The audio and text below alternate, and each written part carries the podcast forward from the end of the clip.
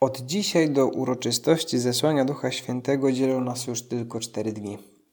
Cztery dni modlitwy i przygotowania do odnowionego przyjścia Ducha Świętego do naszych serc, do Jego zesłania na nasze życie. Już od święta w niebo wstąpienia liturgia Kościoła przewodzi nam w tym przygotowaniu. Kolekta dzisiejszej mszy świętej pięknie wyraża prośbę, która może stać się żywym pragnieniem nas wszystkich.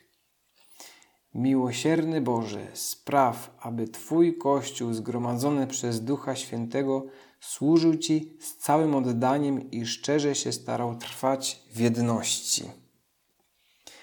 Modląc się tą kolektą, wyrażamy naszemu Bogu takie podwójne pragnienie, aby pomógł nam, byśmy jako Kościół Chrystusowy żyli duchem służby oznaczającym oddanie – Chodzi tu przede wszystkim o służbę i oddanie w zwyczajnych, drobnych sytuacjach dnia codziennego.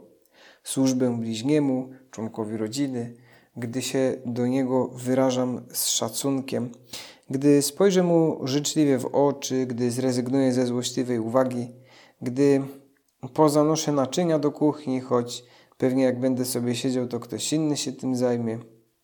Wszystko to są pewne przejawy ducha służby i oddania poprzez zwyczajny uśmiech dajemy bliźniemu bardzo dużo. Oddaniem jest modlitwa za drugą osobę, ponieważ rezygnuję wtedy z myślenia o sobie, tylko życzę dobra drugiemu i proszę o nie Boga.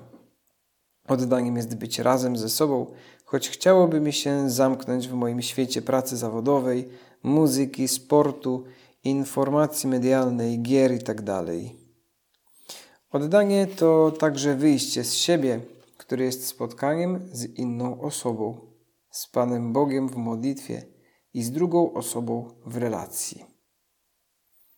Mieć takie pragnienie w sercu, pragnienie ducha służby i oddania, to wiele, ale najważniejsze to żyć służbą i oddaniem w praktyce, a to wcale nie jest takie łatwe. Na pewno każdy z nas ma dużo własnego doświadczenia różnych sytuacji, w których chcemy być mili wobec pewnej osoby, a nam to nie wychodzi. Wziąć się do pewnej pracy, a pokonuje nas lenistwo. Pomóc komuś, a zamykamy się tylko w swoich potrzebach. Dlatego w życiu wewnętrznym tak bardzo potrzebujemy ożywczej obecności Ducha Świętego. Więcej nawet, bez Niego i bez Jego darów nie możemy wcale wzrosnąć w życiu duchowym, a koniec końców w miłości. Miłość nadprzyrodzona, nadzieja, wiara są cudownymi darami Ducha Świętego, na które nie możemy sobie w żaden sposób zasłużyć, ale na które możemy się hojnie otworzyć, starając się o ległość Duchowi Świętemu, przyzywając Go w modlitwie: Przyjdź, Duchu Święty, i tak wychodząc z samego siebie. Duch Święty, wchodząc w nasze życie i odmieniając je według Jego woli, napełnia nas radością, napełnia nas pięknem Bożej radości. Zaznacza nam to Pan Jezus w Ewangelii z dzisiejszej mszy świętej. W czasie ostatniej wieczerzy, mówi nam święty Jan Apostoł, Jezus, podniósłszy oczy ku niebu, modlił się tymi słowami. Ojcze święty, zachowaj ich w Twoim imieniu, które mi dałeś, aby tak jak my stanowili jedno.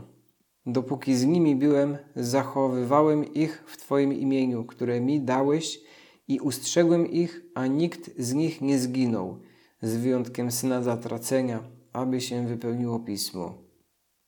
Ale teraz idę do Ciebie i tak mówię, będąc jeszcze na świecie, aby moją radość mieli w sobie w całej pełni. Dziękujemy Ci, Panie Jezu, za tę prośbę o radość.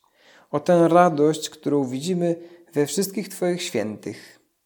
Jednym z darów i objawów obecności Ducha Świętego w naszej duszy jest właśnie radość. Radość, która nie oznacza zwykłego fizjologicznego zadowolenia, którego często może nam brakować. To radość która jest czymś dużo więcej niż chęcią do śmiechu czy do robienia innym żartów.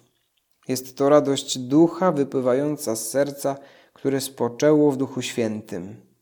Odwrotnością takiej radości jest uporczywy smutek, w którym jedna osoba po prostu lubi z wygody trwać. Bardzo celnie mówi o tym papież Franciszek. Mówi tak: To kuriozalne, ale często boimy się pocieszenia, tego, że zostaniemy pocieszeni. Co więcej, czujemy się bezpieczniejsi w smutku i strapieniu. Czy wiecie dlaczego? Bo w smutku czujemy się prawie głównymi postaciami. Dlatego w pocieszeniu główną postacią jest Duch Święty.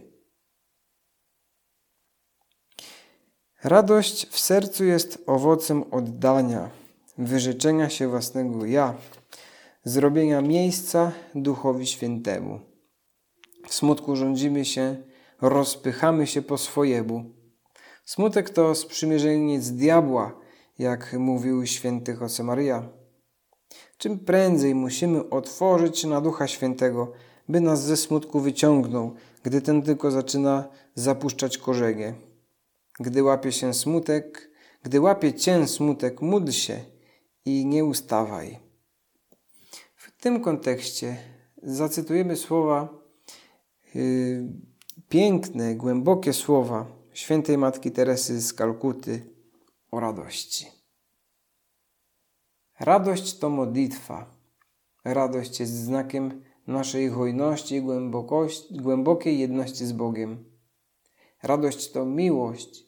Serce radosne to normalny stan serca rozpalonego przez miłość gdyż ten, kto daje z radością, daje więcej, a Bóg kocha tego, kto daje z radością. Radość to sieć miłości, w którą możemy łowić duszę.